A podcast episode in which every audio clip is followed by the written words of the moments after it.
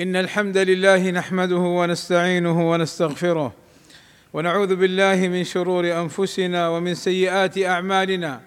من يهده الله فلا مضل له ومن يضلل فلا هادي له. وأشهد أن لا إله إلا الله وحده لا شريك له. وأشهد أن محمدا عبده ورسوله. يا أيها الذين آمنوا اتقوا الله حق تقاته ولا تموتن إلا وأنتم مسلمون. يا أيها الذين آمنوا اتقوا الله وقولوا قولا سديدا. يصلح لكم أعمالكم ويغفر لكم ذنوبكم ومن يطع الله ورسوله فقد فاز فوزا عظيما.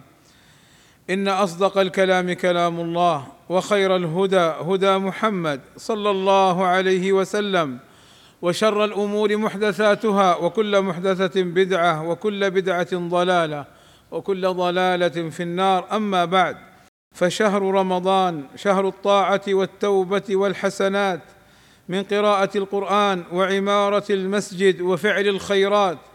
قال تعالى إنما يعمر مساجد الله من آمن بالله واليوم الآخر وأقام الصلاة واتى الزكاة ولم يخش إلا الله فعسى أولئك أن يكونوا من المهتدين. وعمارة المسجد ببنائه وبملازمته والتعبد فيه والمحافظة عليه. وقال تعالى في بيوت في بيوت أذن الله أن ترفع ويذكر فيها اسمه يسبح له فيها بالغدو والآصال. فالمساجد أمر الله ووصى أن ترفع ببنائها وتنظيفها من أي أذى أو نجاسة بل وصونها من المجانين والصبيان الذين لا يتحرزون عن النجاسة وأن تصان عن اللغو فيها ورفع الأصوات بغير ذكر الله ومن ذلك إغلاق رنة الجوال خاصة لو كانت نغمته موسيقية. وأمر سبحانه وتعالى ووصى أن يذكر فيها اسمه من الصلاة وقراءة القرآن والأذكار والتعليم والاعتكاف وغير ذلك من العبادات التي تفعل في المساجد.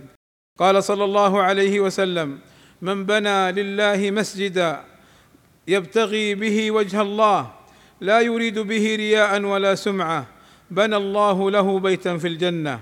بل ولو كان بناء المسجد صغيرا قال صلى الله عليه وسلم ومن بنى مسجدا كمفحص قطات أو أصغر بنى الله له بيتا في الجنة وحث على نظافتها والاعتناء بها فعن سمرة ابن جندب رضي الله عنه قال أمرنا رسول الله صلى الله عليه وسلم أن نتخذ المساجد في ديارنا أي في أحيائنا وأمرنا أن ننظفها. والعناية بكتاب الله من خير الأعمال الصالحة. قال صلى الله عليه وسلم خيركم من تعلم القرآن وعلمه ويدخل فيه طباعته ونشره فهو من الصدقة الجارية. قال صلى الله عليه وسلم إن مما يلحق المؤمن من عمله وحسناته بعد موته علما علمه ونشره وولدا صالحا تركه أو مصحفا ورثه أو مسجدا بناه وقد أولى ولاة أمرنا عناية بالغة بالمصحف الشريف في مجمع الملك فهد لطباعة القرآن بأعلى وأفضل وأجود العناية فجزاهم الله خيرا وكتب أجرهم. أقول ما تسمعون وأستغفر الله لي ولكم من كل ذنب فتوبوا إليه وسلوه المغفرة إنه سميع قريب مجيب الدعاء. الحمد لله رب العالمين والصلاة والسلام على المبعوث رحمة للعالمين وعلى آله وصحبه أجمعين عباد الله.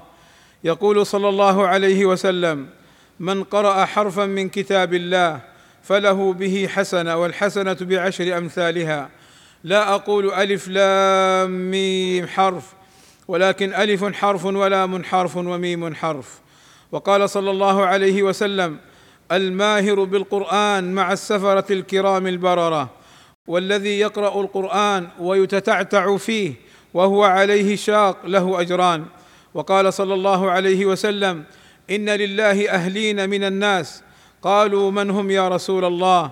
فقال صلى الله عليه وسلم أهل القرآن هم أهل الله وخاصته فلنحرص عباد الله على فعل الخيرات وترك المعاصي والسيئات وأن نزداد من الأعمال الصالحات من قراءة القرآن ولزوم المساجد والمحافظة عليها وبنائها وغير ذلك من أوجه البر والطاعة.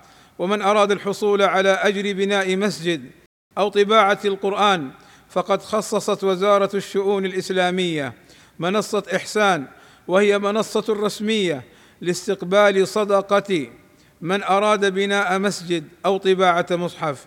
عباد الله إن الله وملائكته يصلون على النبي يا أيها الذين آمنوا صلوا عليه وسلموا تسليما.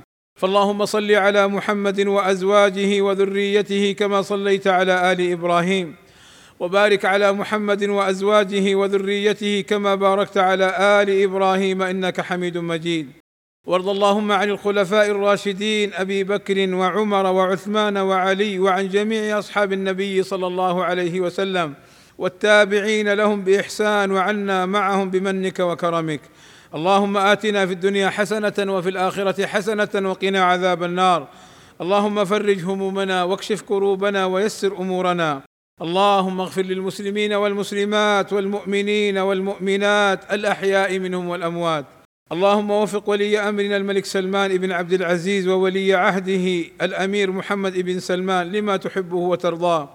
وأصلح بهما البلاد والعباد واحفظهما من كل سوء. اللهم أيدهما بتأييدك ووفقهما بتوفيقك وأعز بهما الإسلام والمسلمين والصلاة والسلام على المبعوث رحمة للعالمين والحمد لله رب العالمين